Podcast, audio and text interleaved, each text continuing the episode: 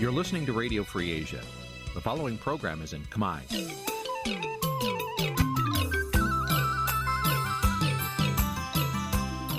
Nǐ chi càm bi tiệp xáy vệt chiu a zì sê ray នេះជាកម្មវិធីផ្សាយរបស់ Vithu Azisari ជាភាសាខ្មែរ វត្តឈូអាស៊ីសេរីសូមស្វាគមន៍លោកអ្នកនាងទាំងអស់ពីរដ្ឋធានី Washington នៃសហរដ្ឋអាមេរិក ចាប់ពីរដ្ឋធានី Washington នាងខ្ញុំម៉ៅសុធានីសូមជម្រាបសួរលោកអ្នកស្ដាប់ទាំងអស់ជាទីមេត្រីចាជាងខ្ញុំសូមជូនការផ្សាយសម្រាប់ព្រឹកថ្ងៃប្រហ័ស900ខែទុតិយាសាទឆ្នាំថោះបញ្ញស័កពុទ្ធសករាជ2567ហើយដល់ត្រូវនៅថ្ងៃទី10ខែសីហាគ្រិស្តសករាជ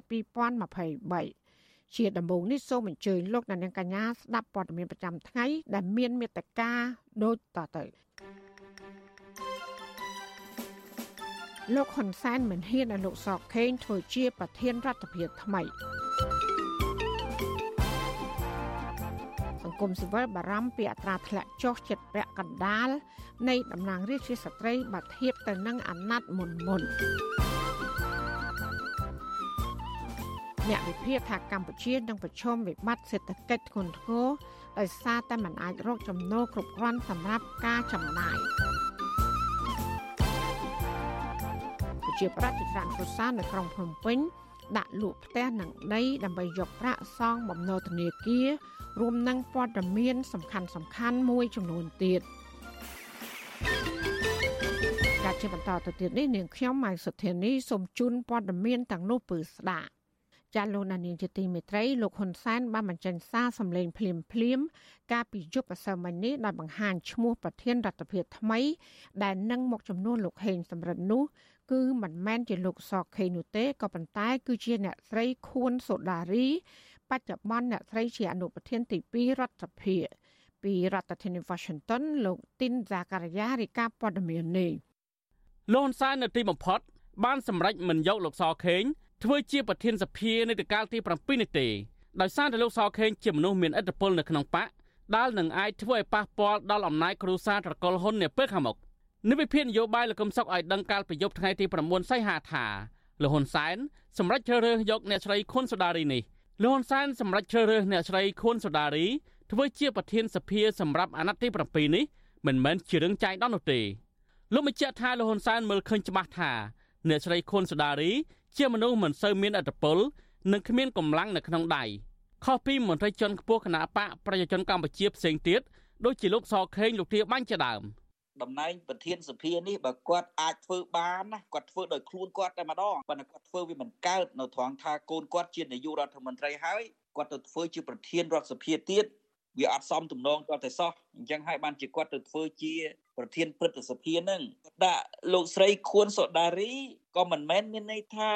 លោកហ៊ុនសែនចង់ដាក់ដែរតែពិតលោកហ៊ុនសែនចង់ដាក់អ្នកណាម្នាក់ដែល ជិតស្និទ្ធនឹងគាត់ជាងលោកស្រីខួនសូដារីទៅទៀតប៉ុន្តែការជ្រើសរើសលោកស្រីខួនសូដារីនេះដោយសារតែម្យ៉ាងលោកស្រីខួនសូដារីអត់មានកម្លាំងតវ៉ានឹងលោកហ៊ុនសែនទេម្យ៉ាងវិញទៀតលោកស្រីខួនសូដារីคล้ายទៅជាមនុស្សជំនិតរបស់ភរិយាលោកហ៊ុនសែនទៅហើយគឺដូចជាស្ដៃស្ដាំរបស់ភរិយារបស់លោកហ៊ុនសែនអញ្ចឹងណាការលើកឡើងរបស់នៃវិភាគនេះនៅក្រៅពេលលោកនាយករដ្ឋមន្ត្រីចាំផ្ទះលោកហ៊ុនសែនដេកមិនលក់បក់មិនហើយចំពោះការរិះគន់ថា គណៈបកប្រជាជនកម្ពុជាកំពុងតែបែកបាក់ផ្ទៃក្នុងឬមិនទាន់ចរចាត្រូវរើគ្នា អំពីអ្នកដែលមកធ្វើជាប្រធានសភាថ្មីខុសពីស្ថាប័នជាតិផ្សេងផ្សេងទៀតដែលលោកហ៊ុនសែនបានរៀបចំឈ្មោះអំពីការផ្លាស់ប្ដូរក្បាលម៉ាស៊ីនដឹកនាំរដ្ឋាភិបាលថ្មីនោះលោកហ៊ុនសែនកាលពីយប់ថ្ងៃទី9សីហាបានបញ្ចេញសារប្រតិកម្មចំពោះការផ្សាយរបស់វិទ្យុអាស៊ីសេរីជំវិញនឹងការប្រេះឆាដណ្ដើមអំណាចនិងមិនទុកចិត្តគ្នានៅក្នុងចំណោមមេមេគណៈបកប្រជាជនកម្ពុជា នឹងការរៀបចំក្បាលម៉ាស៊ីនដឹកនាំរដ្ឋសភាលោកអះអាងថាប្រធានសភាថ្មី គឺគេបានជ្រើសរើសយូរមកហើយ គឺអ្នកស្រីខួនសដារីសូមវត្ថុអាស៊ីសេរីកុំភ្លឺពេកកុំល្ងងពេកកុំឆ្កឹះឆ្កៀលខ្លាំងពេកដែលវាការធ្វើឲ្យគេថាដេញតន់ជន់កែងចំណុចទី2គឺគិតថាគណៈបកប្រជាជនកំពុងតែដណ្ដើមអំណាចតែកតិនទៅនឹងបេក្ខជនប្រធានរដ្ឋសភា ខ្ញុំសូមជម្រាបជូនទៅអស់លោកឲ្យបានជ្រាបថាបេក្ខជន សម្រាប់តំណែង ប្រធានរដ្ឋសភាត្រូវបានរៀបចំតាំងពីចុងឆ្នាំ2021មកម្លេះខ្ញុំសូមជម្រាបជូនអស់លោកឲ្យបានជ្រាបថាលោកជំទាវខួនសូដារី ដែលបច្ចុប្បន្នជាអនុប្រធានទី2នៃរដ្ឋសភានឹងក្លាយទៅជាប្រធានរដ្ឋសភានាពេលខាងមុខ កាលពីថ្ងៃទី26កក្កដាលោកហ៊ុនសែនបានប្រកាសអំពីសមាជិកដឹកនាំរដ្ឋាភិបាលថ្មីអាណត្តិទី7ដែលកូនប្រុសរបស់លោកគឺលោកហ៊ុនម៉ាណែតធ្វើជានាយករដ្ឋមន្ត្រីហើយលោកហ៊ុនសែននឹងធ្វើជាប្រធានឧត្តមក្រុមប្រឹក្សាព្រះមហាក្សត្រនិងប្រធានប្រសិទ្ធិជំនួសលោកសាយឈុំដែលត្រូវចូលនិវត្តន៍រីឯអនុប្រធានគណៈបកប្រជាជនកម្ពុជា3រូបទៀតគឺអ្នកស្រីម៉ែនសំអនលោកទាបាញ់និងលោកសខេងនឹងធ្វើជាសមាជិកឧត្តមក្រុមប្រឹក្សាព្រះមហាក្សត្រដោយឡែកសម្រាប់ទូរទស្សន៍ប្រធានសភាវិញ គឺនៅទំនេរចោលនៅឡើយក្រោយពីលោកហ៊ុនសែនប្រកាសអំពីសមាជិកភាពដឹកនាំរដ្ឋាភិបាលថ្មីនេះសាធារណជនរួមទាំងអ្នកវិភាគផងថាអ្នកដែលស័កសមធ្វើជាប្រធានសភានោះគឺលោកសខេងតើតើនឹងបញ្ហានេះលោកសំរងស៊ីប្រធានស្ដីទីគណៈបកសង្គ្រោះជាតិអះអាងថាលោកហ៊ុនសែនមិនទុកចិត្តលោកសខេងឡើយដោយសារតែលោកហ៊ុនសែនមើលឃើញថាលោកសខេងជាមនុស្សគ្រោះថ្នាក់ដល់អំណាចត្រកូលហ៊ុន កន្លែងហ្នឹងកន្លែងរសើបប្រធានរដ្ឋសភាហ្នឹងកន្លែងរសើបទោះជាគាត់បានសន្យាអបមាថាបានសន្យាឲ្យលោកសខេងធ្វើជាប្រធានរដ្ឋសភាពេលលោកសខេងចេញពីក្រសួងមហាផ្ទៃតែឥឡូវគាត់ដូរចិត្តហើយគាត់ថាអត់ស្រួលទេស្ថានភាពប្រហែលក្តៅហើយក្តៅពេកហើយបើបកគលតំណែងប្រធានរដ្ឋសភាឲ្យទៅសខេងគឺសខេងគាត់នឹងមានលទ្ធភាពបោះឆ្នោតទម្លាក់រដ្ឋាភិបាលថ្មីទម្លាក់ ហ៊ុនម៉ាណែតដែលជានាយករដ្ឋមន្ត្រីថ្មីតាមគម្រោងរបស់គាត់អញ្ចឹងហើយត្រូវគិតឡើងវិញទាំងអស់អ្នកស្រីខួនសូដារីមានអាយុ71ឆ្នាំអ្នកស្រីជាបេក្ខជនតំណាងរាស្ត្រអាណត្តិទី7មណ្ឌលខេត្តកណ្ដាលបច្ចុប្បន្នអ្នកស្រីជាអនុប្រធានទី2រដ្ឋសភាតាំងពីអាណត្តិទី6មករយៈពេលចុងក្រោយនេះអ្នកស្រីខួនសូដារីតែងតែចូលរួមកិច្ចប្រជុំនៅក្រៅប្រទេសតំណាងឲ្យសភាកម្ពុជា ទាំងកិច្ចប្រជុំជាលក្ខណៈតំបន់និងកិច្ចប្រជុំអន្តរជាតិ រួមមានកិច្ចប្រជុំអន្តរសភាអាស៊ាន និងកិច្ចប្រជុំសហសភាអន្តរសភាជាដើមលោកកំសុកបន្ថែមថាលោកហ៊ុនសែនកំពុងតែបន្សុតអំណាចលោកសខេងនិងអ្នកស្រីម៉ាន់សំអនលោកសាយឈុំនិងលោកទាបាញ់លោកបញ្ជាក់ថាអនុប្រធានគណៈបកកណ្ដាលអំណាចទាំង3រូបនេះនឹងក្លាយជាទីងមងនៅក្រៅពេលត្រកូលហ៊ុននិងបកពួករបស់លោកហ៊ុនសែនក្តោបក្តាប់អំណាចបានទាំងស្រុងខ្សែក្រមលោកជាស៊ីមខ្សែក្រមលោកទាបាញ់ខ្សែក្រមលោកសខេង ខ្សែក្រមលោកស្រីម៉ែនសំអនវាដូចជាភាគីនៃគណៈបកផ្សេងមួយទៅសុំចូលរួមរដ្ឋាភិបាលជាមួយក្រុមគ្រួសារហ៊ុនអញ្ចឹងអត់មានឥទ្ធិពលអ្វីទាំងអស់តំណែងដែលគេឲ្យកាន់ទោះបីជាអបនាយករដ្ឋមន្ត្រីក៏ដោយរដ្ឋមន្ត្រីក៏ដោយគ្រាន់តែជាតំណែងទីងងប៉ុណ្ណោះចំណែកអំណាចស្ថិតនៅលើមនុស្សរបស់ក្រុមគ្រួសារហ៊ុនអត់មានអំណាចស្ថិតនៅលើខ្សែ នៃក្រមលោកសខេងក្រមលោកទាបាញ់ក្រមលោកស្រីម៉ែនសំអនក្រមលោកសៃឈុំដែលទៅធ្វើរដ្ឋមន្ត្រីតាមក្រសួងនីមួយនីមួយនោះទេលន់សែនកំពុងតែរៀបចំសេណារីយ៉ូប្រមូលផ្ដុំអំណាចត្រកូលហ៊ុននិងបកពួករបស់លោកគ្រប់គ្រងប្រទេសកម្ពុជាផ្ដាច់មុខក្រៅពីកូនប្រុសគឺលោកហ៊ុនម៉ាណែតធ្វើជានាយករដ្ឋមន្ត្រីជំនួសលោកហ៊ុនសែននោះគឺកូនចៅសាច់ញាតិរបស់លោកហ៊ុនសែននិងគ្រប់គ្រងស្ថាប័នជាតិសំខាន់សំខាន់ជាច្រើនទៀតនៅក្នុងអាណត្តិទី7នេះលើសពីនេះទៀត អ្នកជំនាញផ្នែកច្បាប់បញ្យល់ថាលោកហ៊ុនសែនបានប្រកាសថាអ្នកស្រីខុនសូដារីធ្វើជាប្រធានសភាហើយព្រះមហាក្សត្រចាត់តាំងលោកហ៊ុនម៉ាណែតជានាយករដ្ឋមន្ត្រីថ្មីនោះគឺខុសរដ្ឋធម្មនុញ្ញរដ្ឋធម្មនុញ្ញមាត្រា119ថ្មី2និងមាត្រា4ថ្មី1ដែលចែងថាការជ្រើសតាំងបេក្ខជននាយករដ្ឋមន្ត្រីជ្រើសចេញពីតំណាងរាស្ត្រចេញពីគណៈបកដែលមានអាសនៈច្រើនជាងគេនៅក្នុងសភាតែក្រោយពីការបោះឆ្នោតមកទល់ពេលនេះសភាមិនទាន់កោះប្រជុំជាលើកដំបូងនៅឡើយ ហើយបេក្ខជនតំណាងរាស្ត្រវិញក៏មិនទាន់ចូលស្បត់នៅព្រះបរមរាជវាំងនៅឡើយដែរក្រុមអ្នកវិភាគនិងមន្ត្រីបកប្រឆាំងប្រមានថាអាចនឹងមានចំនួនផ្ទៃក្នុងដណ្ដើមអំណាចកាន់តែខ្លាំងឡើងនៅក្នុងគណៈបកកាន់អំណាចដោយសារតែការបែងចែកអំណាចមិនមានតុល្យភាពរវាងលោកហ៊ុនសែននិងក្រុមថ្នាក់ដឹកនាំគណៈបកប្រជាជនកម្ពុជាផ្សេងទៀតដូចជាលោកសខេងលោកទាបាញ់អ្នកស្រីម៉ែនសំអននិងលោកសាយឈុំជាដើមក្នុងពេលក្រុមរបស់លោកហ៊ុនសែនតែងតែចិញ្ចឹមចិត្តចង់គ្រប់គ្រងផ្ដាច់មុខ ទាំងស្ថាប័នរដ្ឋាភិបាលក្រសួងការពារជាតិរដ្ឋសភានិងប្រសិទ្ធិជាដើមនោះខ្ញុំបាទទីនសាការីយ៉ាអាស៊ីសេរីពីរដ្ឋធានី Washington ចាលោកដានៀងជាទីមេត្រីក្រុមអង្គការសង្គមស៊ីវិលធ្វើការងារផ្នែកលើកកម្ពស់សមភាព Gender អះអាងថាការធ្លាក់ចុះនៃតំណាងរាស្ត្រស្ត្រីក្នុងអាណត្តិទី7នេះនឹងធ្វើឲ្យចំនួនស្ត្រីដែលមានអំណងចូលរួមនយោបាយកាន់តែធ្លាក់ចុះដែលជាហេតុធ្វើឲ្យការសម្រេចចិត្តនានា គឺมันបានគិតគូរលើស្ត្រីនិងក្រុមភៀកតិចផ្សេងផ្សេងទៀត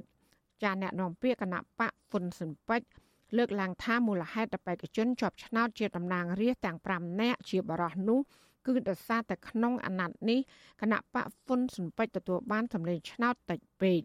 ចាសសូមស្ដាប់សេចក្តីរាយការណ៍របស់អ្នកស្រីសុជីវីជំនាញព័ត៌មាននេះតំណាងអង្គការសង្គមស៊ីវិលរួមមានអង្គការសិលកាកម្ពុជាអង្គការ Gatesi និងអង្គការផ្សេងទៀតបានរៀបចំសន្និសីទសារព័ត៌មាននៅថ្ងៃទី9ខែសីហាដោយលើកឡើងពីការធ្លាក់ចុះតំណាងរាស្ត្រជាស្ត្រី គឺមានការធ្លាក់ចុះជិត2ដងបើធៀបនឹងអាណត្តិមុនដែលការធ្លាក់ចុះចំនួនអ្នកតំណាងរាស្ត្រជាស្ត្រីនេះទាមទារឲ្យមានគោលនយោបាយជាក់លាក់ពីគណៈបកនយោបាយនិងរដ្ឋាភិបាលនាយិកាអង្គការសិលកាកម្ពុជា អ្នកស្រីសេងរិស័យថាចំនួនបេក្ខជនស្ត្រីដែលគណៈប កឈ្នះឆ្នោតទទួលបានអាសនៈនៅក្នុងសភា គឺគណៈបកប្រជាជនកម្ពុជា និងគណៈបកហ៊ុនស៊ុនពេជ្រមានចំនួនសមាជិកសភាតែ16រូបប៉ុណ្ណោះឬស្មើនឹង12%ហើយបើធៀបនឹងអាណត្តិមុនមុនគឺមានការថយចុះចំនួន8%ដែលពេលនោះមានតំណាងរាស្ត្រជាស្ត្រីឈ្នះឆ្នោតចំនួន26រូបអ្នកស្រីសេងរាសីបន្តថាមូលហេតុដែលចំនួនស្ត្រីជាប់ឆ្នោតជាតំណាងរាស្ត្រមានចំនួនតិច ដោយសារតែគណៈបកនីមួយៗមិនបានដាក់បេក្ខជនជាស្ត្រី នៅក្នុងលេខរៀងជួរមុខបើទោះបីជាចំនួនស្ត្រីដែលទៅបោះឆ្នោតមានចំនួនច្រើនជាងបរិះក្តីអ្នកស្រីសេរីស័យបន្ថែមថាវិសមភាព gender បែបនេះបានបង្អាក់ទឹកចិត្តស្ត្រីដែលមានបំណងចូលរួមធ្វើនយោបាយ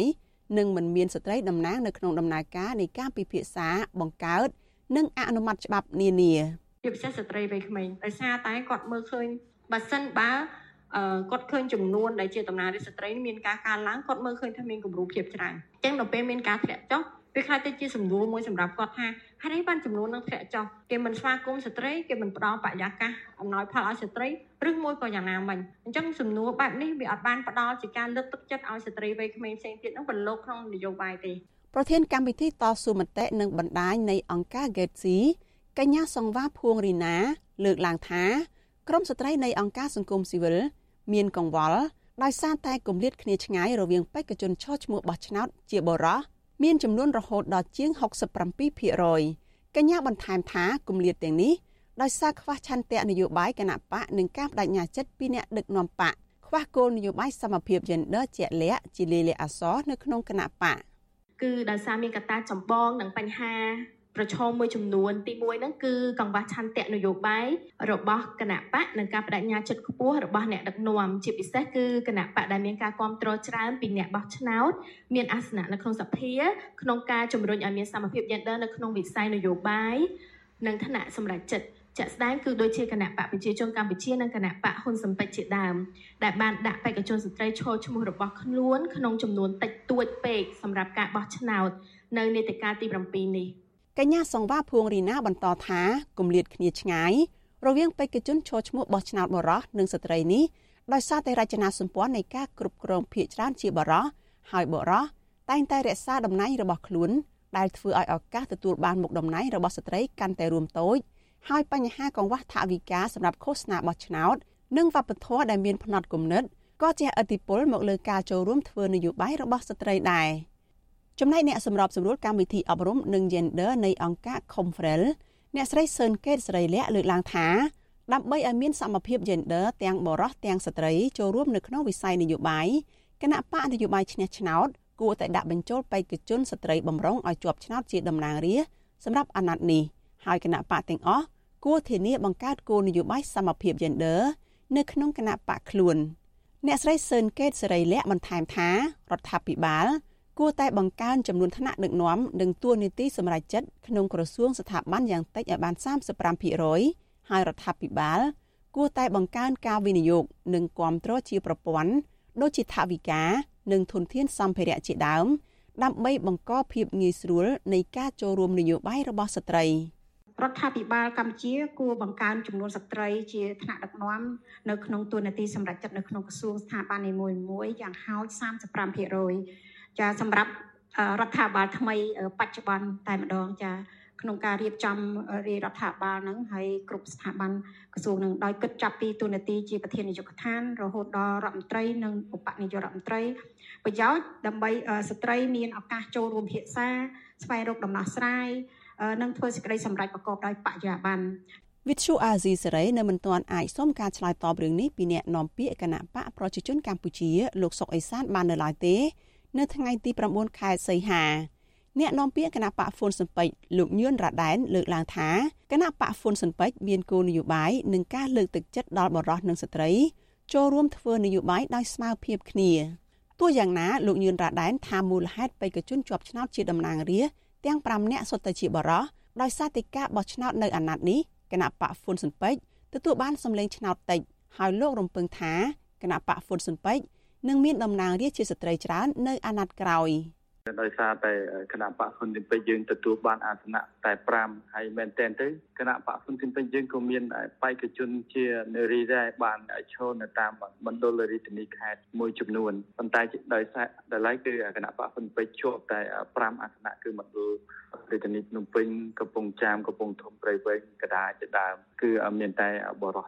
ការបោះឆ្នោតជ្រើសតាំងតំណាងរាស្ត្រនីតិកាលទី6កន្លងទៅ មានគណៈបកនយោបាយចំនួន20មានបេក្ខជនប្រកួតប្រជែងជិត2000នាក់ដែលមានចំនួនស្ត្រី25%គឺស្មើនឹង498នាក់ចំណែកនីតិកាលទី7វិញមានគណៈបកនយោបាយចំនួន18មានបេក្ខជនប្រកួតប្រជែងជាង1600នាក់មានស្ត្រី32%ស្មើនឹង523នាក់ដែលមានការកើនឡើងចំនួនស្ត្រី7%បើធៀបនឹងអាណត្តិមុនតែទោះជាយ៉ាងណា នៅនីតិកាលទី7នេះ គណៈបកដែលឈ្នះឆ្នោតគឺទាំងគណៈបកប្រជាជនកម្ពុជានិងគណៈបកហ្វុនស៊ុនពេជ្របានថយចុះបេក្ខជនជាស្ត្រី7%បើប្រៀបធៀបនឹងនីតិកាលទី6នាងខ្ញុំសុជីវីវិទ្យុអាស៊ីសេរីពីរដ្ឋធានី Washington ចាលោកនាងជាទីមេត្រីដំណឹងដាច់ដライតាក់ទងនឹងមេដឹកនាំចិនវិញរដ្ឋមន្ត្រីការបរទេសចិនលោកវ៉ាងយីក្រុងមកធ្វើទស្សនកិច្ចនៅកម្ពុជានៅចុងសប្តាហ៍នេះ មុនពេលដែលលោកហ៊ុនម៉ាណែតឡើងកាន់តំណែងជានាយករដ្ឋមន្ត្រីតពូជពីឪពុករបស់លោកគឺលោកហ៊ុនសែននៅថ្ងៃទី22ខែសីហាខាងមុខអ្នកនាំពាក្យក្រសួងការបរទេសចិនបានបញ្ជាក់កាលពីថ្ងៃទី9ខែសីហាម្សិលមិញ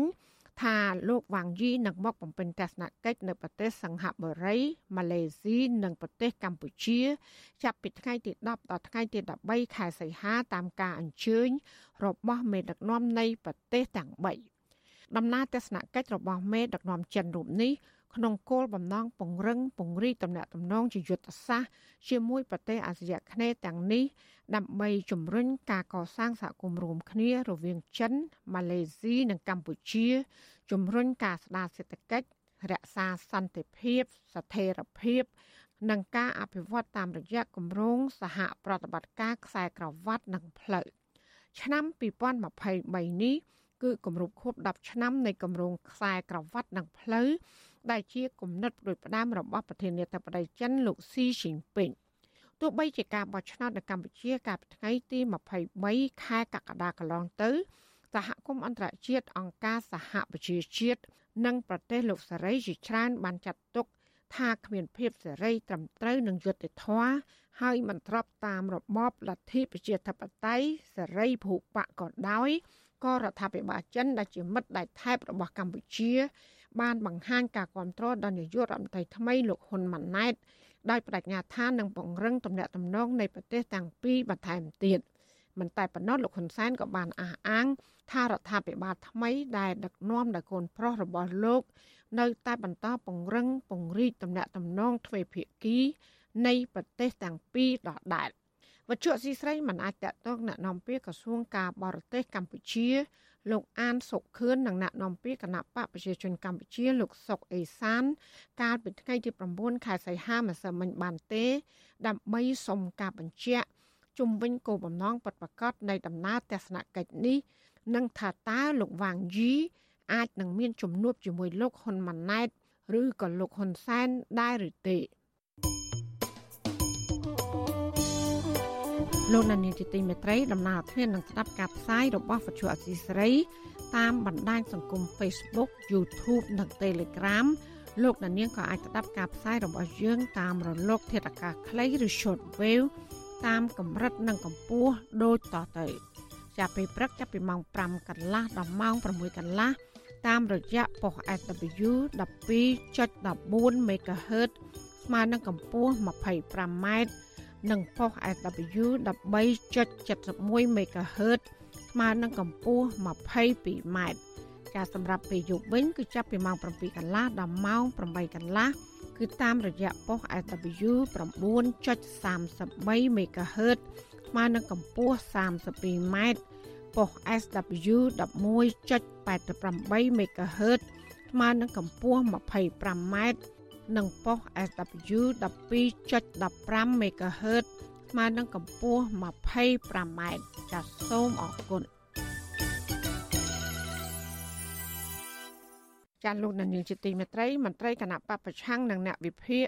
លើកឡើងថាកម្ពុជាកំពុងបរាជ័យក្នុងការស្ដារសេដ្ឋកិច្ចឡើងវិញ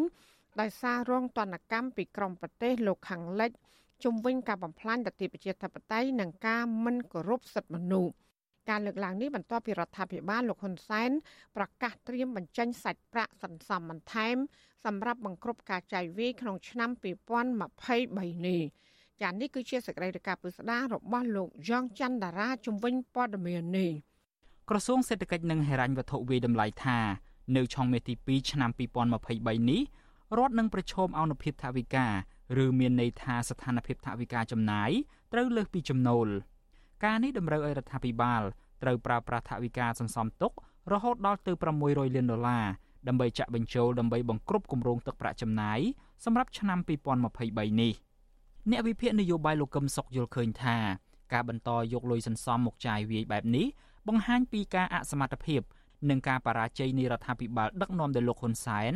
នៅក្នុងការជួយដោះស្រាយបញ្ហាធ្លាក់ចុះសេដ្ឋកិច្ចរបស់ប្រទេសនិងប្រជាពលរដ្ឋ ដែលកំពុងរងផលប៉ះពាល់ដោយសារការកាត់ផ្តាច់ការអនុគ្រោះពន្ធ EBA ចំនួន20%ពីសហភាពអឺរ៉ុបនិងការកាត់ផ្តាច់ការអនុគ្រោះពន្ធ GSP ទាំងស្រុងពីសហរដ្ឋអាមេរិករដ្ឋាភិបាលអត់សមត្ថភាពរកចំណូលឧទាហរណ៍ការប្រមូលពន្ធធ្លាក់ទាបពេកការវិនិយោគរបស់រដ្ឋក៏គាំង រីឯចរន្តសេដ្ឋកិច្ចរបស់ប្រជាពលរដ្ឋទូទៅក៏គាំងដែរទី3រដ្ឋាភិបាលក៏អស់សង្ឃឹមក្នុងការខ្ចីលុយពីបរទេសដោយមុនមុនទៀតហើយនិងទី4ប្រទេសជាតិនានាដែលធ្លាប់តែមានសមានចិត្តជួយប្រទេសកម្ពុជាក៏អស់ទឹកចិត្តជួយហើយដែរពីព្រោះតែផែនការផ្ទេរតំណែងនាយករដ្ឋមន្ត្រីខុសច្បាប់ពីលោកហ៊ុនសែនទៅហ៊ុនម៉ាណែតការលើកឡើងរបស់អ្នកវិភាគនេះ គឺក្រោយពេលរបាយការណ៍ស្ដីពីលទ្ធផលអនុវត្តថវិកាឆមាសទី1និងការវិដំឡៃការអនុវត្តច្បាប់ស្ដីពីហិរញ្ញវត្ថុសម្រាប់ការគ្រប់គ្រងឆ្នាំ2023របស់ក្រសួងសេដ្ឋកិច្ចនិងហិរញ្ញវត្ថុចេញផ្សាយកាលពីថ្ងៃទី4ខែសីហាបង្ហាញថាចំណូលថវិកាថ្នាក់ជាតិនៅក្នុងឆមាសទី1សម្រាប់បានប្រមាណ50%នៃច្បាប់ហិរញ្ញវត្ថុទោះជាយ៉ាងណាចំណូលនេះបានធ្លាក់ចុះជាង7%ធៀបទៅនឹងរយៈពេលដូចគ្នាក្នុងឆ្នាំ2022 របាយការណ៍ឲ្យដឹងទៀតថាចំណូលថវិកាជាតិមានសន្ទុះយឺតនេះបង្កឡើងដោយសារតែសេដ្ឋកិច្ចកម្ពុជា បន្តរងផលប៉ះពាល់ពីវិបត្តិជំងឺ Covid-19 ការធ្លាក់ចុះយ៉ាងគំហុកនៃការនាំចូលរថយន្តជាប្រភពចំណូលគយដ៏សំខាន់រួមទាំងការអនុវត្តកិច្ចព្រមព្រៀងពាណិជ្ជកម្មសេរីក្នុងក្របខ័ណ្ឌអាស៊ាននិងរវាងអាស៊ាន និងសង្គ្រាមឈ្លានពានរបស់ប្រទេសរុស្ស៊ីលើអ៊ុយក្រែន។ក្រសួងសេដ្ឋកិច្ចនិងហិរញ្ញវត្ថុវិតម្លៃទៀតថានៅត្រឹមដំណាច់ឆ្នាំ2023នេះ ចំណូលពន្ធដារអាចសម្រេចបានខ្ពស់ជាងផែនការចំនួន225លានដុល្លារក៏ប៉ុន្តែចំណូលពីគយអាចទាបជាងផែនការរហូតដល់ទៅ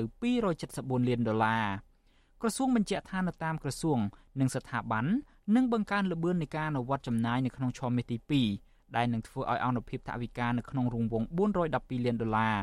ដូច្នេះរដ្ឋគ្រោងប្រើប្រាស់ថវិកាសន្សំទុកចំនួន600លានដុល្លារដើម្បីបំពេញតុល្យភាពថវិកាដែលខ្វះខាតនេះ ទោះជាយ៉ាងណាក៏ដោយអ្នកវិភាគនយោបាយលោកកឹមសុខយល់ឃើញថាការបញ្ចេញថវិកាសន្សំយកមកចាយវាយគួរតែធ្វើឡើងនៅក្នុងពេលចាំបាច់បំផុតដូចជាសេដ្ឋកិច្ចធ្លាក់ក្នុងវិបត្តិឬស្ថិតនៅក្នុងស្ថានភាពផ្ទុះឆ្លងជំងឺ Covid-19 រាតត្បាតធ្ងន់ធ្ងរដោយកាលពីឆ្នាំ2020ឬ2021លោកបន្តទៀតថាកាលណារដ្ឋបញ្ចេញថវិកាសន្សំសម្រាប់ចាយច្រើនឆ្នាំជាប់ជាប់គ្នា មានន័យថាសេដ្ឋកិច្ចជាតិកំពុងធ្លាក់ចូលក្នុងវិបត្តិម្យ៉ាងវិញទៀត លោកកឹមសុខលើកឡើងថាសង្គ្រាមឈ្លានពានរបស់រុស្ស៊ីលើប្រទេសអ៊ុយក្រែនក៏មិនអាចធ្វើឲ្យប៉ះពាល់ដល់សេដ្ឋកិច្ចកម្ពុជាធ្ងន់ធ្ងរដោយមន្ត្រីរដ្ឋាភិបាលអះអាងនោះដែរពីព្រោះកម្ពុជាគ្រាន់តែជាប្រទេសសេដ្ឋកិច្ចបន្ទាប់បន្សំនៃឧស្សាហកម្មពិភពលោកមិនមែនជាប្រទេសពឹងផ្អែកសេដ្ឋកិច្ចទៅលើឧស្សាហកម្មកម្រិតអភិវឌ្ឍលូតលាស់ធំធំដូចជាបណ្ដាប្រទេសមួយចំនួនទៀតឡើយជុំវិញការលើកឡើងរបស់អ្នកវិភាគនេះវិទ្យុអាស៊ីសេរីមិនអាចសុំការឆ្លើយតប ពីអ្នកនាំពាក្យក្រសួងសេដ្ឋកិច្ចនិងហិរញ្ញវត្ថុលោកមាសសុកសេនសានបាននៅឡើយទេ នៅថ្ងៃទី9ខែសីហាក៏ប៉ុន្តែលោកបានប្រាប់សារព័ត៌មានថ្មីថ្មីថាប្រាក់សន្សំដែលត្រូវបានប្រើប្រាស់ទាំងនោះគឺដើម្បីដាក់បញ្ចូលទៅក្នុងកញ្ចប់ថវិកាសម្រាប់ធ្វើអន្តរាគមន៍ចាំបាច់នានាដូចជាការឧបត្ថម្ភសាច់ប្រាក់ដល់ប្រជាពលរដ្ឋក្រីក្រនិងការចំណាយទៅលើកម្មវិធីបណ្ដុះបណ្ដាលសមត្ថភាពជំនាញវិជ្ជាជីវៈនិងការជួយកម្មករដែលត្រូវព្យួរពីការងារ លោកបន្តថាការបញ្ចេញសាច់ប្រាក់សន្សំនេះគឺដោយសារតែរដ្ឋាភិបាលចាយវាយថវិកាអស់ច្រើនលើការធ្វើជាម្ចាស់ផ្ទះនៃព្រឹត្តិការណ៍កីឡាស៊ីហ្គេមនិងអាស៊ានប៉ារ៉ាហ្គេមនៅដើមឆ្នាំ2023នេះរួមទាំងការរៀបចំការបោះឆ្នោតជ្រើសតាំងតំណាងរាស្ត្រកាលពីថ្ងៃទី23កក្កដាផ្ទុយពីការលើកឡើងនេះអតីតតំណាងរាស្ត្រគណៈបកសង្គ្រោះជាតិលោកអ៊ុំសំអានមើលឃើញថាមូលហេតុដែលរដ្ឋត្រូវប្រឈមរោគចំណូលមិនគ្រប់សម្រាប់ការចំណាយនេះ គឺការចេញពីដំបូងពីការដាក់ទណ្ឌកម្មនៃការកាត់បន្ថយប្រព័ន្ធអនុគ្រោះពន្ធ EBA ចំនួន20%របស់សហភាពអឺរ៉ុបនិងការកាត់ផ្តាច់ការអនុគ្រោះពន្ធទាំងស្រុង GSP របស់សហរដ្ឋអាមេរិកដែលនាំឲ្យរោងចក្រជាច្រើនត្រូវបិទទ្វារនិងព្យួរការងារលោកបន្តថានៅពេលក្រុមកម្មកររោងចក្រកាន់តែច្រើនអត់ការងារធ្វើនិងគ្មានប្រាក់ចំណូលសម្រាប់ចាយវាយវាក៏កំពុងតែជះឥទ្ធិពលធ្វើឲ្យការលក់ដូររបស់ក្រុមអាជីវករតាមផ្សារ និងអ្នកប្រកបមុខរបរដឹកជញ្ជូនតាមម៉ូតូកង់3ក្រៅប្រព័ន្ធជាដើមកំពុងប្រឈមនឹងការពិបាករកប្រាក់ចំណូលដូចគ្នាសេដ្ឋកិច្ចវាធ្លាក់ចុះគឺគេអត់មានលទ្ធភាពទៅទិញឡានទេអញ្ចឹងឡាននាំចូលវាត្រូវថយចុះហើយយើងពន្ធនាំចូលឡានហ្នឹងក៏ថយចុះហើយបើនៅពេលដែលចំណូលពីការប្រមូលពន្ធទៅលើឡាននាំចូលឬក៏ពន្ធផ្សេងផ្សេងធ្លាក់ចុះហើយយើងមកចេញបញ្ចប់ថវិកាចំណាយ ហ្នឹងវាធ្វើឲ្យសេដ្ឋកិច្ចកាន់តែដាំក្បាលចុះយើងមិនអាចទប់ទៅនឹងចំណាយបាននៅពេលចំណូលមានតិចបាទដូច្នេះវាធ្វើឲ្យសេដ្ឋកិច្ចធ្លាក់ចុះធ្វើឲ្យប្រជាពលរដ្ឋកាន់តែវេទនាទៅវេទនាទៅមន្ត្រីគណៈបកប្រឆាំងនិងអ្នកវិភាគព្រមានថាវិបត្តិសេដ្ឋកិច្ចកម្ពុជានៅពេលនេះនឹងវិវត្តទៅមុខកាន់តែធ្ងន់ធ្ងរដោយសារតែសហភាពអឺរ៉ុបអាចនឹងកាត់ផ្តាច់ប្រព័ន្ធអនុគ្រោះពន្ធ EBA បន្ថែមទៀតខណៈសហរដ្ឋអាមេរិកវិញ មិនបានបន្តសុពលភាពផ្ដល់ប្រព័ន្ធអនុគ្រោះពន្ធ GSP វិញតាំងតែពីចុងឆ្នាំ2020រហូតមកទល់ពេលបច្ចុប្បន្ននេះធ្ងន់ធ្ងរជាងនេះទៅទៀតសហរដ្ឋអាមេរិកក៏ទើបតែបានដាក់ទណ្ឌកម្មបន្ថែមទៀតដោយជាការកាត់ផ្តាច់ជំនួយអភិវឌ្ឍចំនួន18លានដុល្លារនៅក្នុងឆ្នាំ2023នេះនិងអាចនៅក្នុងឆ្នាំបន្តបន្ទាប់ទៀតដើម្បីឆ្លើយតបទៅនឹងការបោះឆ្នោតជ្រើសតាំងតំណាងរាស្ត្រថ្ងៃទី23កក្កដាដែលសហគមន៍អន្តរជាតិចាត់ទុកថាជាការបោះឆ្នោតមិនសេរី មិនត្រឹមត្រូវនិងមិនយុត្តិធម៌ក្រសួងសេដ្ឋកិច្ចនិងហិរញ្ញវត្ថុបញ្ជាក់ថាសេដ្ឋកិច្ចកម្ពុជានៅក្នុងឆ្នាំ2023អាចមានកំណើនត្រឹម5.6%គឺទាបជាងការព្យាករណ៍ពីដំបូងដែលថាអាចមានកំណើនរហូតដល់ទៅ6.6%ក្រសួងអះអាងថាការថយចុះកំណើនសេដ្ឋកិច្ចនេះបង្កឡើងជាពិសេសពីប្រទេសដៃគូពាណិជ្ជកម្មរបស់កម្ពុជា ដូចជាសហរដ្ឋអាមេរិកនិងអឺរ៉ុបដែលធ្វើឲ្យកាន់តែមានភាពអាប់អួរ តាមរយៈការត្រៀមដាក់ចេញវិធានការមួយចំនួនទៀតដែលនាំឲ្យប៉ះពាល់បន្ថែមទៅលើវិស័យដឹកជញ្ជូននិងវិស័យកាត់ដេរដូច្នេះតម្រូវឲ្យរដ្ឋាភិបាលត្រូវត្រៀមលក្ខណៈដោះស្រាយនិងបន្ធូរបន្ថយសម្ពាធទាំងនោះក្រុមអ្នកជំនាញព្រមានថាប្រសិនបើរដ្ឋាភិបាលថ្មីមិនព្រមប្រញាប់ប្រញាល់កែខ្លួនដោះស្រាយបញ្ហាប្រជាធិបតេយ្យនិងសិទ្ធិមនុស្សទេនោះសេដ្ឋកិច្ចកម្ពុជានឹងប្រឈមនឹងវិបត្តិកាន់តែធ្ងន់ធ្ងរដោយសារអាចរងនូវទណ្ឌកម្មបន្ថែមទៀតពីក្រមប្រទេសលោកខាងលិច ខ្ញុំយ៉ងច័ន្ទដារាវិទ្យុអាស៊ីសេរី Washington ចាលោកនាងជាទីមេត្រីពាក់ព័ន្ធនឹងស្ថានភាពរស់នៅរបស់ប្រជាពលរដ្ឋវិញបរដ្ឋជាច្រើនគូសាសម្រាប់ដាក់លក់ផ្ទះនិងដី ដែលមាននៅក្នុងទីក្រុងភ្នំពេញដើម្បីយកប្រាក់សងធនាគារដែលបានខ្ចីគេកន្លងមកមន្ត្រីសង្គមស៊ីវិលនិងអ្នកជំនាញសេដ្ឋកិច្ចជំរុញឲ្យស្ថាប័នពាក់ព័ន្ធយកចិត្តទុកដាក់ដោះស្រាយឲ្យបានទាន់ពេលវេលាកុំឲ្យបញ្ហាទាំងនេះ ខ្លាចទៅជាវិបត្តិកាន់តែធ្ងន់ធ្ងរដល់សង្គមចាសសូមស្ដាប់សេចក្តីរាយការណ៍របស់លោកជាតិចំណានជំវិញព័ត៌មាននេះប្រជាពលរដ្ឋនៅទីក្រុងភ្នំពេញលើកឡើងថាមូលហេតុដែលពួកគេដាក់លក់ផ្ទះនិងដីដោយសារតែជីវភាពគ្រួសាររបស់ពួកគេជួបការលំបាកនិងគ្មានប្រាក់សងធនាគារអ្នកប្រម៉ូទិញអេតចាយមួយកន្លែងនៅខណ្ឌមានជ័យលោកអានអ៊ូដែលមានវ័យ42ឆ្នាំរៀបរាប់ប្រាប់វិសុអេស៊ីសរ៉ៃនៅថ្ងៃទី9ខែសីហាថាមួយរយៈពេលចុងក្រោយនេះបន្ទាប់ពីរោងចក្របិទទ្វារនិងព្យួរការងារកម្មកររួចមក អាជីវកម្មឬអ្នកលក់ចាប់ហួយនានានៅតំបន់ដែលលោករស់នៅក៏បិទទ្វារឈប់លក់ជាបន្តបន្ទាប់ដែរដែលធ្វើឲ្យលោកមិនអាចប្រមូលទិញអេតចាយបានក៏សម្រេចចិត្តដាក់លក់ផ្ទះតែម្ដងលោកបានរៀបរាប់ទៀតថាគ្រួសាររបស់លោកមិនមានជំរឿសអ្វីក្រៅពីដាក់លក់ផ្ទះដើម្បីយកប្រាក់សងធនាគារនិងសេសសល់ប្រាក់ខ្លះជួលផ្ទះគេស្នាក់នៅនិងធ្វើជាដើមទុនរកស៊ីចិញ្ចឹមគ្រួសារទៅមុខទៀត ទទួលរោងចក្រគេបិទទៅខ្លះឯខ្លះទៅអញ្ចឹងមកដល់ពេលកាលមុនយើងរកបានអញ្ចឹងណាបាទដល់ឥឡូវវារោងចក្របិទអីអញ្ចឹងទៅយើងរកទៅខាតអីទីជួយទៅបងធនាគារខ្លះឯខ្លះអញ្ចឹងទៅដល់ឥឡូវយើងចង់មិនឲ្យថាពីពាក់គេទៅយើងចង់លក់វិញយើងដោះស្រាយទៅធនាគារសល់ប៉ុន្មានយើងសល់ដែរមកទីវិញដែរស្រដៀងគ្នានេះដែរប្រជាពលរដ្ឋម្នាក់ទៀតរស់នៅខណ្ឌដង្កោរាជធានីភ្នំពេញគឺលោកព្រូនេះដែលជាអាជីវករមាន កូនចំនួន2នាក់ក្នុងបន្ទុក កំពុងសិក្សានៅថ្នាក់បឋមក៏បានដាក់លក់ផ្ទះនឹងដីមួយកន្លែងជាង3ខែមកហើយតែលក់មិនដាច់នៅឡើយទេផ្ទះហ្នឹងវារៀងដូចថាត្រោបត្រោនផងហើយយើងចង់ឲ្យគេនៅខ្លាចមានបញ្ហាគ្រោះថ្នាក់អីហ្នឹងនៅទី1ទី2ដាក់លក់ទៅព្រោះអីត្រូវការបងនេះបងនោះអញ្ចឹងវាវាដល់តាមដែរប្រជាពលរដ្ឋមួយចំនួនទៀតដែលមិនហ៊ានបញ្ចេញឈ្មោះបានអះអាងស្រដៀងគ្នាថាការដាក់លក់ផ្ទះសម្បែងនឹងដីធ្លីប្រងព្រាតនេះដោយសារតែពួកគេជំពាក់បំណុលធនាគារហើយការធ្វើអាជីវកម្មនឹងរបបប្រចាំថ្ងៃ ក៏មិនអាចរកប្រាក់ចំណូលដើម្បីទប់ទល់ជីវភាពបាននោះដែរពួកគេក៏សម្រេចលក់ផ្ទះសម្បែងនឹងដីធ្លីដើម្បីយកប្រាក់ទាំងនោះទៅសងម្ចាស់បំណុលវិសុអស៊ីសេរីមិនអាចតាក់ទងប្រធានអង្គភិបអ្នកនាំពាក្យរដ្ឋាភិបាលលោកផៃស៊ីផាននិងអ្នកនាំពាក្យក្រសួងសេដ្ឋកិច្ចនិងហិរញ្ញវត្ថុលោកមាសសុកសេនសានបាននោះទេនៅថ្ងៃទី9ខែសីហាដោយទូរស័ព្ទចូលតែគ្មានអ្នកទទួលចំណែកអ្នកនាំពាក្យសមាគមគ្រឹះស្ថានមីក្រូហិរញ្ញវត្ថុកម្ពុជាលោកកាំងតុងងីក៏មិនអាចតាក់ទងបាននោះដែរជុំវិញរឿងនេះអ្នកជំនាញផ្នែកសេដ្ឋកិច្ចលោកង៉ែតជូ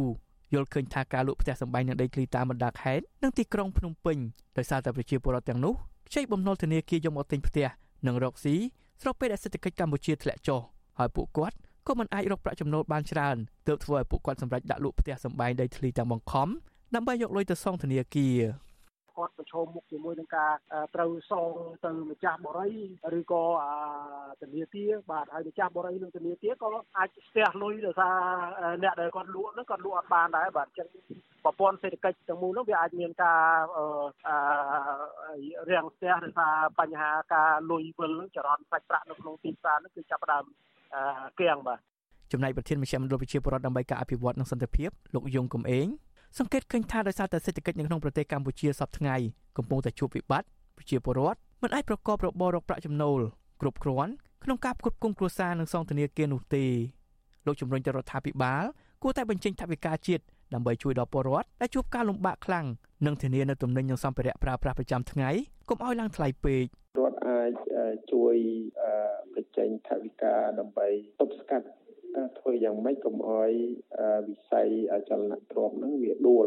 អឺធ្វើយ៉ាងណាកុំឲ្យម្ចាស់ផ្ទះបាត់បង់ផ្ទះបាទឲ្យគាត់អាចរស់នៅក្នុងនោះបាននៅផ្ទះបានអាចជា ពេលអាចក្នុងការបងនៅក្នុងកម្រិតណាមួយតាមលទ្ធភាពដែលគាត់មានបាទរឿងតម្លៃតំណែងសពសារពើសម្រាប់ ជីវភាពរស់នៅទ្រទ្រង់ជីវភាពរស់នៅនោះកុំឲ្យវាឡើងថ្លៃបាទឬក៏អាចឲ្យវាចុះបាននៅក្នុងកម្រិតណាមួយរឹតតែប្រសើរបាទក្រសួងសហព័ន្ធអាល្លឺម៉ង់សម្រាប់សហប្រតិបត្តិការសេដ្ឋកិច្ចនិងការអភិវឌ្ឍបានចេញរបាយការណ៍សិក្សាស្រាវជ្រាវកាលពីខែកញ្ញាឆ្នាំ2022កន្លងទៅដោយរកឃើញថាពលរដ្ឋកម្ពុជាជាង100,000នាក់បានលក់ដីសងបំណុលក្នុងរយៈពេល5ឆ្នាំចុងក្រោយនេះរបាយការណ៍នោះក៏បានបញ្ជាក់ថាគិតជាមធ្យមរយៈពេល16នាទីម្ដង មានពលរដ្ឋខ្មែរមួយគ្រួសារលក់ដីសងបំណុលទន្ទឹមនឹងពលរដ្ឋដាក់លក់ផ្ទះសងបំណុលនេះក្រុមអុកញ៉ារកស៊ីវិស័យចលនាទ្រព្យជាច្រើនប្រកាសខ្សែធនដូចគ្នាដែរក្នុងនោះមានដូចជាលោកជាសរនលោកហ៊ីកំហុងលោកនួនអកនិងលោកលេងនវត្រាជាដើមតែក្នុងចំណោមអុកញ៉ាទាំងនេះមួយចំនួនត្រូវបានចាប់ខ្លួនមួយចំនួនទៀតរត់គេចខ្លួនខណៈមួយចំនួនផ្សេងទៀតកំពុងប្រឹងប្រែងក្នុងការដោះស្រាយខ្ញុំបាទជាចំណាន Visual Society ប្រធានាទី Washington ចាលោកនាងកញ្ញាកំពុងស្ដាប់ការផ្សាយរបស់វិទ្យុអស៊ីស្រីផ្សាយចេញពីរដ្ឋធានី Washington នៅអាខេត្តព្រះវិហារនៅវិញសហគមន៍ជនជាតិដើមភាគតិចគួយជាង1500នាក់មកពីស្រុកចំនួន5បាននាំគ្នាប្រពៃទិវាសិទ្ធិជនជាតិដើមភាគតិចពិភពលោក លើកទី29នៅ4ទីតាំងផ្សេងផ្សេងគ្នាដោយផ្ដោតសំខាន់ស្នើអាជ្ញាធរពន្លឿនការចុះបញ្ជីដីធ្លីសមូហភាព ដើម្បីធានាបាននូវនិរន្តរភាពប្រព័ន្ធស្បៀងអាហារចាសសេចក្តីនៃការពិស្ដារអំពីរឿងនេះលោកណានៀងក៏នឹងបានស្ដាប់នាពេលបន្តិចទៀតនេះ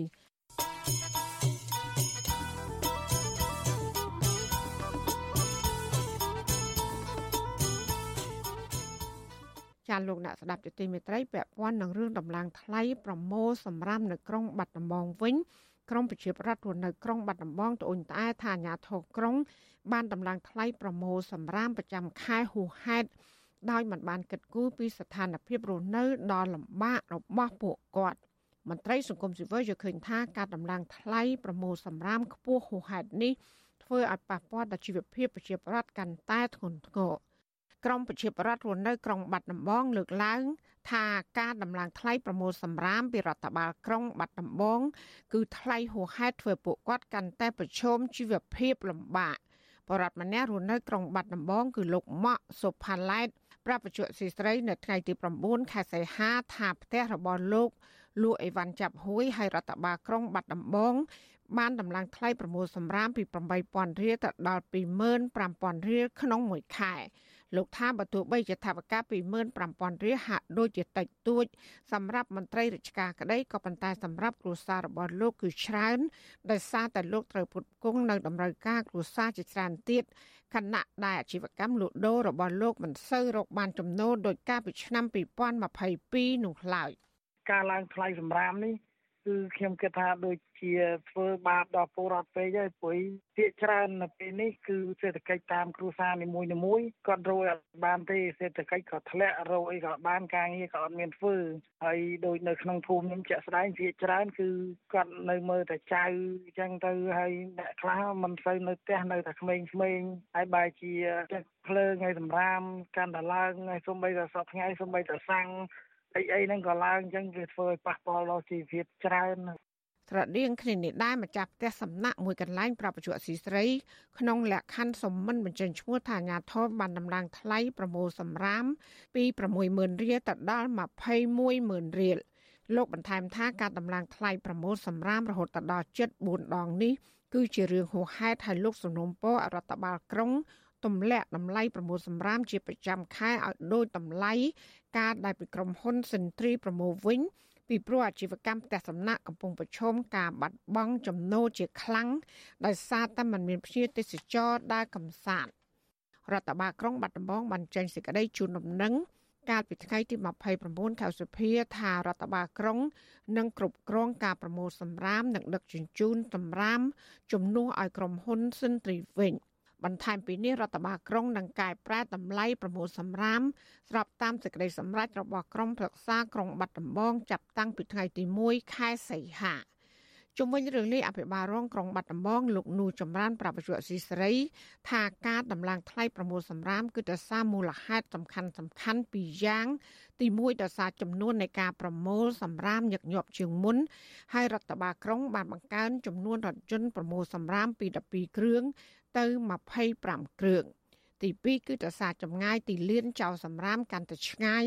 ហើយដែលកាលពីមុនមានចម្ងាយត្រឹមតែ5គីឡូម៉ែត្រក៏ប៉ុន្តែបច្ចុប្បន្នមានចម្ងាយរហូតដល់ទៅ26គីឡូម៉ែត្រពីក្រុងបាត់ដំបង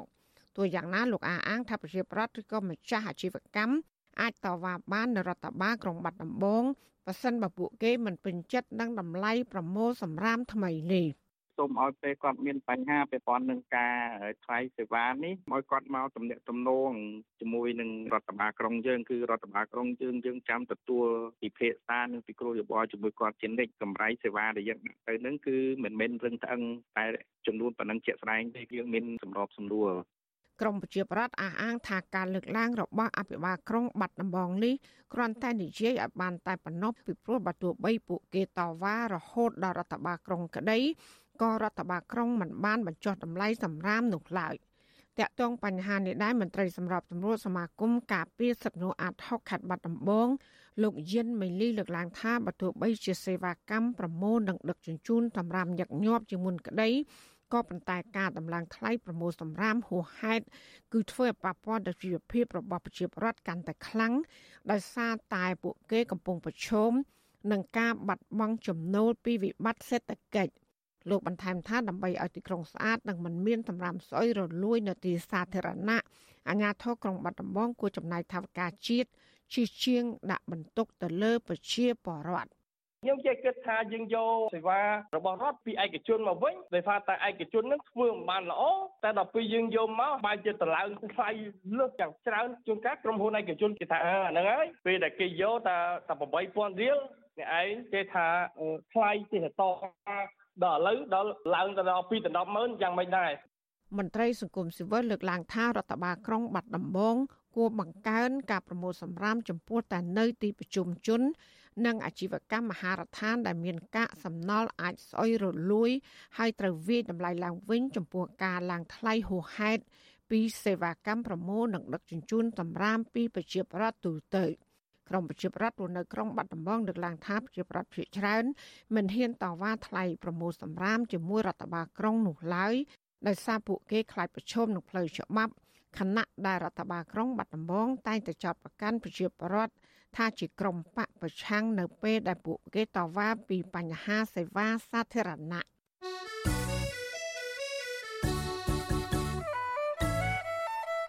ជាលោកនានីជាទីមេត្រីកម្មវិធី podcast កម្ពុជាសប្តាហ៍នេះរបស់វិទ្យុអសីស្រីចេញផ្សាយនៅរៀងរាល់ព្រឹកថ្ងៃសៅរ៍នៃសប្តាហ៍នីមួយៗមកនៅប្រទេសកម្ពុជា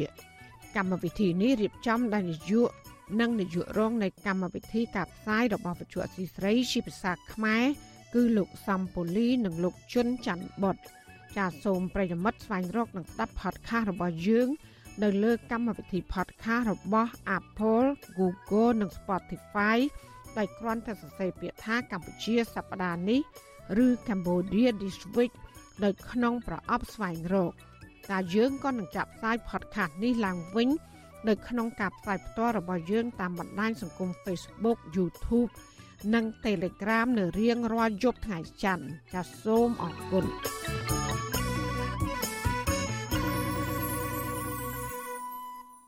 លោកអ្នកស្ដាប់ទទីមេត្រីនៅឯខេត្តព្រះវិហារនៅវិញសហគមន៍ជនជាតិដើមភាគតិចគួយជាង1500នាក់មកពីស្រុកចំនួន5បាននាំគ្នាប្រារព្ធទិវាសិទ្ធិជនជាតិដើមភាគតិចពិភពលោកលើកទី29នៅ4ទីតាំងផ្សេងផ្សេងគ្នាដោយផ្ដោតសំខាន់ស្នើឲ្យអាជ្ញាធរពន្យាការចោះបញ្ជីដីធ្លីសមូហភាពដើម្បីធានាបាននូវនិរន្តរភាពប្រព័ន្ធស្បៀងអាហារ ចំណែកឯសហគមន៍ជនជាដើមភាគតិចរស់នៅស្រុកជ័យសែនវិញបែរជាត្រូវរំសាយការប្រពៃទិវានេះត្រង់ទេធំ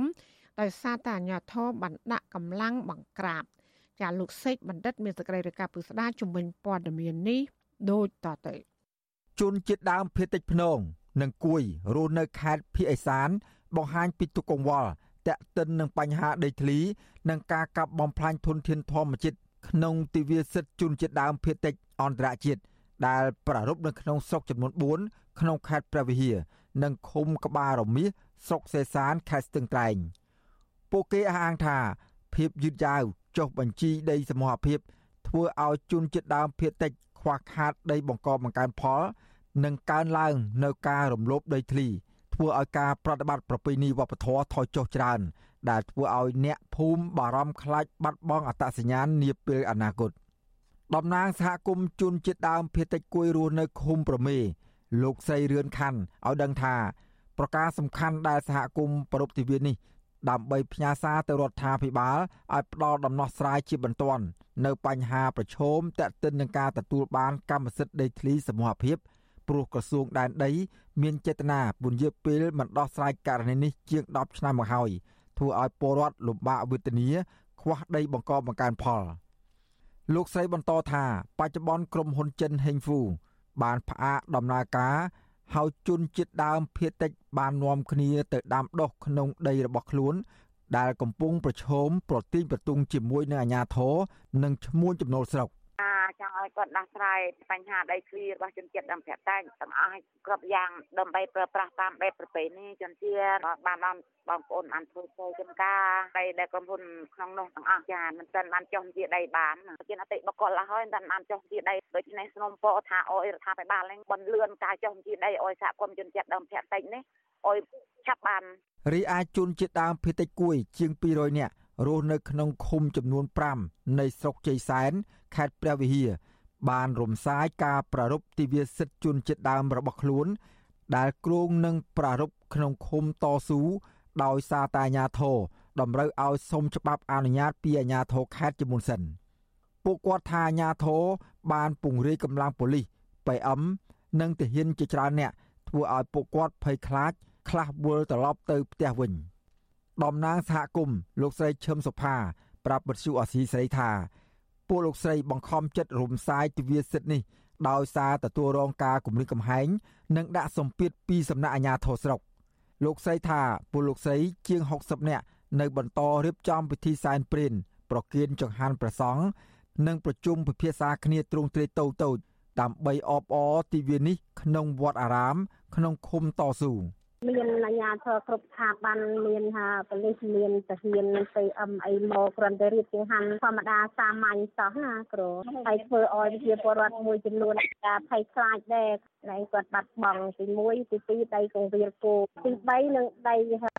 ព្រៃជំនឿរបស់គាត់ដែល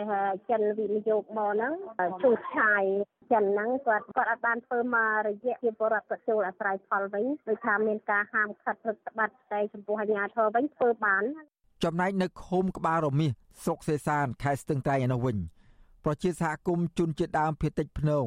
បានប្រារព្ធពិធីសែនព្រេនទទួលទានអាហារសាមគ្គី និងតុបតែងខ្លួនប្រានបែបប្រពៃណីស្លៀកពាក់ពឹងលែងខ្លួនលំអដោយខ្សែកតាមប្រពៃណីរបស់ជនជាតិដើមភាគតិចភ្នង រីឯអាញាធរខេត្តនេះមិនបានរារាំងឬតម្រូវឲ្យជនជាតិដើមភាគតិចទាំងនោះសុំច្បាប់អនុញ្ញាតនោះទេតំណាងសហគមន៍ជនជាតិដើមភាគតិចនៅខេត្តស្ទឹងត្រែងក៏ព្រួយបារម្ភពីភាពយឺតយ៉ាវក្នុងការទទួលបានបានកម្មសិទ្ធិដីសមរភាពដែរព្រោះអាជ្ញាធរបានបដិសេធសំណើពួកគាត់រីឯក្រុមហ៊ុនចិនសេវហ្គិចនៅតែបន្តឈូសឆាយនិងកាប់បំផ្លាញដើមឈើធំធំ ក្នុងតំបន់ព្រៃសហគមន៍ដែលជនជាតិដើមភៀតតិចភ្នងស្នើសុំចុះបញ្ជីសមូហភាពវិទ្យុអាស៊ីសេរីនៅពុំទាន់អាចតាក់ទងសុំការបំភ្លឺអំពីរឿងនេះពីអភិបាលខេត្តព្រះវិហារលោកកឹមរិទ្ធីបាននៅឡើយទេ ចំណែកអ្នកនាំពាក្យសាលាខេត្តព្រះវិហារលោកយ៉ុងកឹមហៀងក៏មិនទាន់អាចតាក់ទងបានដែរនៅថ្ងៃទី8និងទី9សីហាដោយទូរស័ព្ទចូលច្រើនដងតែពុំមានអ្នកទទួលចំណែកសមាជិកក្រុមប្រឹក្សាឃុំប្រមេ លោកសឹងសឿនបានថ្លែងនៅក្នុងទិវានោះថាទិវាសិទ្ធិជនជាតិដើមភាគតិច មានសារៈសំខាន់ណាស់ដែលជនជាតិដើមភាគតិចត្រូវរួមគ្នាថែរក្សាវប្បធម៌ទាំងអស់គ្នា ជាពិសេសការប្រកាន់ភ្ជាប់នៅទំនៀមទម្លាប់ប្រពៃណីតាំងពីបុរាណកាលមកដូចជាការទំនាក់ទំនងភាសាជាដើមជុំវិញរឿងនេះនាយកប្រតិបត្តិនៃអង្គការពន្លកខ្មែរលោកប៉ាក់សភ័ណ្ឌបញ្យល់ថាជនជាតិដើមភាគតិចមានសិទ្ធិប្រារព្ធទិវានេះ ដោយមិនចាំបាច់សុំច្បាប់អនុញ្ញាតពីអាជ្ញាធរនោះទេហើយការដែលតម្រូវឲ្យពួកគាត់សុំច្បាប់ គឺជារឿងមិនត្រឹមត្រូវ និងបង្កភាពស្មុគស្មាញការសម្របសម្រួលរបស់អភិបាលស្រុកនឹងដែរថាគាត់ធ្វើនឹងឲ្យវាប៉ះពាល់ដល់កិត្តិយសរបស់ថ្នាក់ដឹកនាំ ដោយសារតែគាត់មិនយល់អ្វីទៅជាទំនៀមទម្លាប់ប្រពៃណីរបស់ជនជាតិដើមភាគតិចស្រុកជ័យសែននេះហើយបើតាមស្ថិតិរបស់ថ្នាក់ជាតិស្រុកជ័យសែនមានជនជាតិដើមភាគតិចស្ទើរតែគ្រប់ឃុំហេតុអីបានជាប្រហែលឆ្នាំមុនមិននាំគ្នាធ្វើហើយឆ្នាំនេះទៅទៅនាំគ្នាធ្វើគាត់និយាយនេះហាក់ដូចជាគាត់អត់ដឹងរឿងអីទាំងអស់គាត់ទៅកាន់តួនាទីក្នុងនាមជាអភិបាលបាទ ប្រជាសហគមន៍ជនជាតិដើមភាគតិចបន្ថែមទៀតថាប្រិយសហគមន៍ដែលពួកគាត់ប្រើប្រាស់ជាសមូហភាពកាន់តែរួមតូចចង្អៀតនិងតំបន់ខ្លះទៀតបាត់បង់ទាំងស្រុងតែម្ដងរីឯដីធ្វើកសិកម្មចិញ្ចឹមជីវិតនៅក្បែរភូមិកំណើតក៏កាន់តែរួមតូចដែរសំបីតែដីសម្រាប់កប់ផ្សពវាលស្មៅខ្វៀលគោក្របី និងព្រៃអភិរក្សសម្រាប់ប្រពៃណីជនជាតិដើម បច្ចុប្បន្នគ្មានសេសសល់សម្រាប់គម្រោងចុះបញ្ជីជាដីកម្មសិទ្ធិសមរភាពនោះដែរពួកគាត់បារម្ភទៅថ្ងៃអនាគតប្រសិនអ្នកភូមិមិនបានចុះបញ្ជីដីកម្មសិទ្ធិសមរភាព និងដីព្រៃសហគមន៍នោះទេ ដីភៀកច្រើនរបស់ពួកគាត់នឹងត្រូវបាត់បង់ដោយសារការលក់ដូររបស់ប្រជាពលរដ្ឋចំណូលស្រុកអាជ្ញាធរខលខូច និងការរំលោភបំពានពីជនមានអំណាចសេចក្តីប្រកាសជាសកលរបស់អង្គការសហប្រជាជាតិ ស្តីពីសិទ្ធិជនជាតិដើមភាគតិចមាត្រា14ចែងថា ជនជាតិដើមភាគតិចមានសិទ្ធិបង្កើតគ្រប់គ្រងស្ថាប័ននិងប្រព័ន្ធអប់រំភាសារបស់ខ្លួនដោយផ្ទាល់ដោយលក្ខណៈសមស្របនិងវិធីសាស្ត្រតាមវប្បធម៌នៃការបង្រៀននិងរៀនសូត្ររបស់ពួកគេ ខ្ញុំបាទសេកបណ្ឌិតវុទ្ធុអាស៊ីសេរីពីរដ្ឋធានីវ៉ាស៊ីនតោន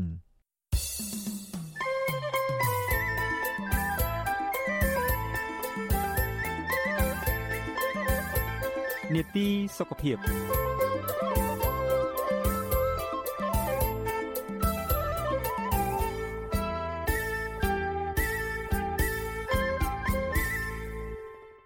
ចាលោកដានៀងជាទីមេត្រីអ្នកជំនាញសុខភាពឲ្យដឹងថារដូងបាត គឺជាជំងឺកាត់ឡើងដោយសារការរីកប៉ោងនៃសរសៃឈាមនៅជុំវិញកសាលគូត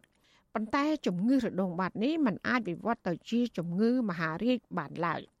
តើមូលហេតុអ្វីបណ្ដាលឲ្យកើតជំងឺរដូងបាត ហើយគេមានវិធីណាខ្លះដើម្បីអាចការពារជំងឺមួយនេះបានចានៅក្នុងនេតិសុខភាពប្រចាំសប្តាហ៍នេះនាងខ្ញុំមានសេចក្តីរាយការណ៍ពុស្ដាជំវិញរឿងនេះដូចតទៅវិធីសាស្ត្រដ៏ល្អបំផុត ដើម្បីការពារឬបញ្ជៀសជំងឺរដូងបាត គឺធ្វើឲ្យលាមកទុនងាយស្រួលបាត់ជើងធំ ដោយទទួលទានអាហារមានជាតិសរសៃច្រើន ញ៉ាំទឹកឲ្យបានគ្រប់គ្រាន់យ៉ាងតិច2លីត្រក្នុងមួយថ្ងៃដែលហាត់ប្រាណឲ្យបាន30នាទី ហើយពេលត្រូវការបន្ទោបង់សូមគុំបងអង្គពេលយូរឬក៏ទប់វាឲ្យសោះនិងជៀសវាងការអង្គុយយូរនៅមួយកន្លែងគ្រូពេទ្យជំនាញសុខភាពទូទៅខ្មែរអាមេរិកាំងនិងជាម្ចាស់ clinic នៅទីក្រុង Lynn ក្នុងរដ្ឋ Massachusetts លោកវិជ្ជបណ្ឌិតម៉ៃសុខារិទ្ធមានប្រសាសន៍ប្រាប់បញ្ជាក់ស៊ីស្រីថាជំងឺរដូងបាត គឺជាជំងឺធម្មតាពុំបណ្ដាលឲ្យគ្រោះថ្នាក់ដល់អាយុជីវិតនោះឡើយលោកថារដូងបាតច្រើនកើតទៅលើស្ត្រីមានផ្ទៃពោះនិងមនុស្សវ័យចំណាស់ចំពោះរោគសញ្ញាវិញរួមមានរមាស់ខ្លាំងឈឺចាប់និងក្រហាយនៅម្ដុំក្រសាគូត និងបណ្ដាលឲ្យឈឺចាប់នៅពេលដែលបន្ទោបង់លាមកនិងករណីខ្លះអាចមានធ្លាក់ឈាមជំងឺរោគរោងបាតតសៃឈាមយើងនៅគូតយើងមានតសៃឈាមណា ហើយពេលណាអាតសៃឈាមវាប៉ោងឬរោគខ្លះវាអាចលៀនចេញក្រៅជាពិសេសអ្នកដែលឧទាហរណ៍អ្នកទាំងងន់ភាសាកើតនឹងអ្នកទាំងងន់អ្នកដែលទល់មុខខ្លាំងដូចជា constipation ចឹងអឺបើសិនជាឬដងបាតយើងមានទិញទួចមិនដល់ខ្លាំងគេឲ្យយើងញ៉ាំទឹកឲ្យច្រើនឲ្យញ៉ាំបន្លែឲ្យញ៉ាំផ្លែឈើ high fiber diet ដើម្បីកុំឲ្យយើងមានទល់មុខគ្រូពេទ្យជំនាញឲ្យដឹងថាជំងឺរដូងបាត ចែកចេញជាពីរប្រភេទគឺរដូងបាតខាងក្រៅកើតលើសរសៃឈាមនៅខាងក្រៅរូនគូត និងរដូងបាត់ខាងក្នុងកើតលើសរសៃឈាមនៅខាងក្នុងរន្ធគូតចំពោះស្ត្រីមានផ្ទៃពោះដែលកើតជំងឺរដូងបាត់វិញ គឺជារឿងធម្មតាដែលសារតែអំឡុងពេលពោះពោះត្បូនរបស់ស្ត្រីរីកធំហើយសង្កត់ទៅលើសរសៃឈាមរបស់ពោះវៀនធំបន្ថែមពីនេះជំងឺរដូងបាតច្រើនកើតចំពោះអ្នកធាត់លើសទម្ងន់ខ្លាំង អ្នកលើកវត្ថុឬរបស់ធ្ងន់អ្នកទល់លាមកឬរាករូសរ៉ាំរ៉ៃនិងអ្នកមានប្រវត្តិគ្រួសារធ្លាប់កើតជំងឺរដូងបាតអ្នកកើតរដូងបាតខាងក្រៅមានរោគសញ្ញាដូចជារមាស់ស្បែករលាកក្រហាយនិងហើមនៅម្ដុំរុនគូតឈឺចុកចាប់និងធ្លាក់ឈាម ចំណែករដូងបាតខាងក្នុងវិញអ្នកជំងឺមើលមិនឃើញទេក៏ប៉ុន្តែឈឺចុកចាប់ជាខ្លាំងនៅពេលបាត់ជើងធំម្ដងម្ដង គឺមានឈាមក្នុងលាមក លៀនចេញប៉ោងសរសៃរដូងបាត ធ្លាក់ឈាមច្រើនបណ្ដាលអ្នកជំងឺស្លេកស្លាំងខ្វះឈាម និងរលាកខ្លាចជាដំបៅនៅជុំវិញរុនគូតលោកវិជ្ជបណ្ឌិតម៉ៃសុខារិតឲ្យដឹងដែរថា ក្នុងករណីអ្នកកើតជំងឺរដូងបាតធ្លាក់ឈាមអត់ឈប់ត្រូវតែទៅពិគ្រោះយោបល់ជាមួយគ្រូពេទ្យជំនាញដើម្បីពិនិត្យពីកម្រិតនៃជំងឺ និងទទួលដំបូន្មានអំពីសេវាព្យាបាលលោកវិជ្ជបណ្ឌិតថានៅពេលដែលឈឺចុកចាប់ ឬរមាស់ខ្លាំងអ្នកជំងឺត្រូវត្រាំទឹកក្តៅអ៊ុនអ៊ុនយ៉ាងតិចឲ្យបាន15នាទី3ដងក្នុងមួយថ្ងៃ នៅក្នុងអាងងូតទឹកជំងឺ hemorrhoid ជាគឺជាជំងឺមួយវា common visible ដែលវាគ្មានតកតងនឹងជីវិតទេទេលុះត្រាតែយើងធ្លាក់ឈាមអឺមិនឈប់ឈាមខ្លាំងប្រភេទច្រើនអត់មានបញ្ហាទេជំងឺ hemorrhoid បើសិនជាវាធ្វើទុក active flare up យើងអង្គុយត្រាំទឹកនៅនឹងបាតថប់អង្គុយដាក់ទឹករវមហើយអង្គុយ25នាទីពេលយ៉ាងមួយទឹកដើម្បីជួយឲ្យវារួមប្រើថ្នាំ over the counter ដែលមិនត្រូវការចាំបាច់ត្រូវការអរណងពីដុកទ័រថ្នាំជាគ្រីមយើងលាបទៅ ពីកុំឲ្យវារបោះកុំឲ្យវាឈឺឲ្យវាទុយអ្នកកាត់ជំងឺរដូងបាតអាចព្យាបាលដោយខ្លួនឯងបាន តាមវិធីសាស្ត្រការពារខ្លួនកុំឲ្យកើតជំងឺមួយនេះ ក្នុងនោះរួមមាន ការផ្លាស់ប្ដូររបៀបរបបរស់នៅ ដូចជាហាត់ប្រាណទទួលទានទឹកឲ្យបានច្រើនទទួលទានត្រី បន្លែផ្លែឈើគ្រាប់ធញ្ញជាតិនិងសណ្ដែកដែលសម្បូរទៅដោយជាតិសរសៃច្រើនបន្ថែមពីនេះគេអាចប្រើប្រាស់ថ្នាំលាប និងថ្នាំសម្រាប់បំបត្តិការឈឺចាប់ដែលអាចរកទិញបាននៅអសតដ្ឋានដោយមិនចាំបាច់វិជ្ជបញ្ជា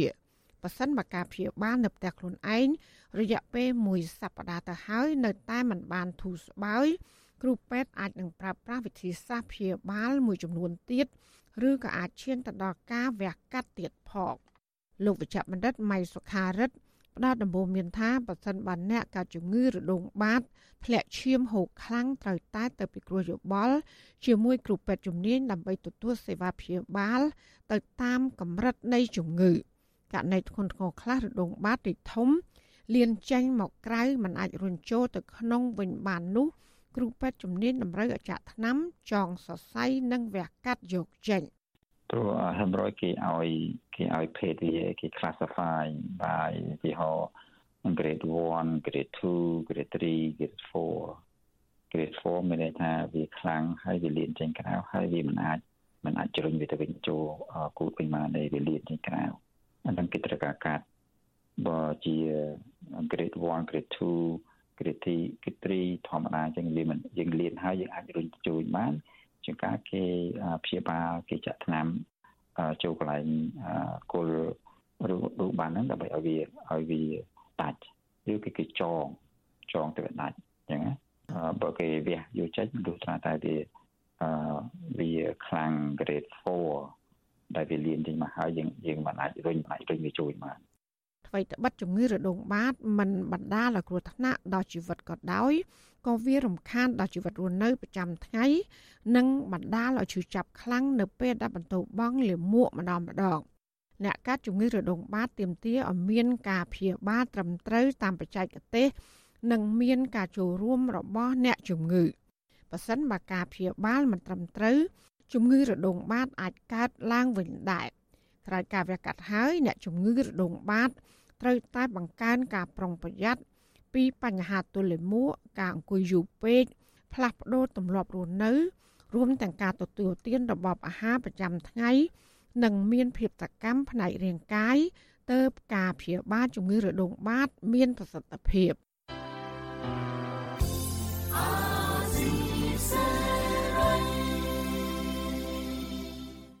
ចាលោកលានាងកញ្ញាអ្នកស្ដាប់ទីមេត្រីការផ្សាយរយៈពេល1ម៉ោងរបស់វិទ្យុអាស៊ីស្រីជាភាសាខ្មែរនៅពេលនេះចាប់តែប៉ុណ្ណេះចាយើងខ្ញុំទាំងអស់គ្នាសូមជូនពរលោកលានាងនិងក្រុមគ្រួសារទាំងអស់សូមជួបប្រកបតែនឹងសេចក្តីសុខសេចក្តីចម្រើន ជានិរន្តរ៍ចានាងខ្ញុំម៉ៃសុធានីព្រមទាំងក្រុមការងារទាំងអស់របស់អាស៊ីស្រីសូមអរគុណនិងសូមជម្រាបលា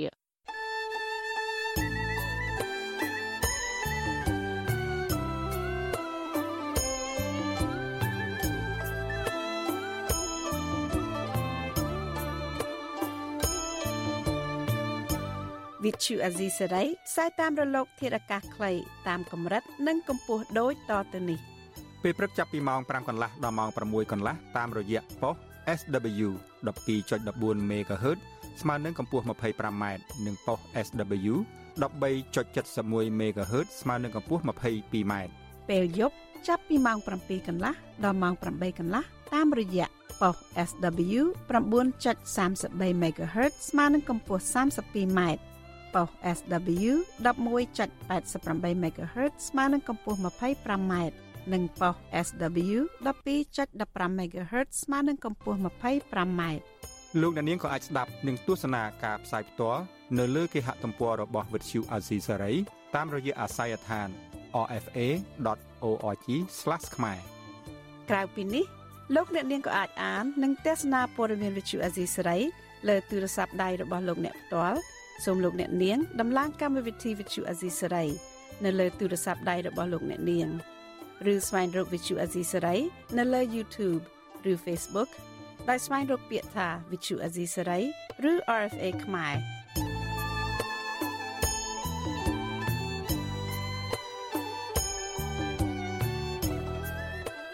សូមលោកអ្នកនាងចុច like follow និងចុច subscribe ដើម្បីទទួលបានព័ត៌មានថ្មីៗទាន់ហេតុការណ៍ និងទស្សនាវីដេអូផ្សេងៗទៀតបានគ្រប់ពេលវេលា thank you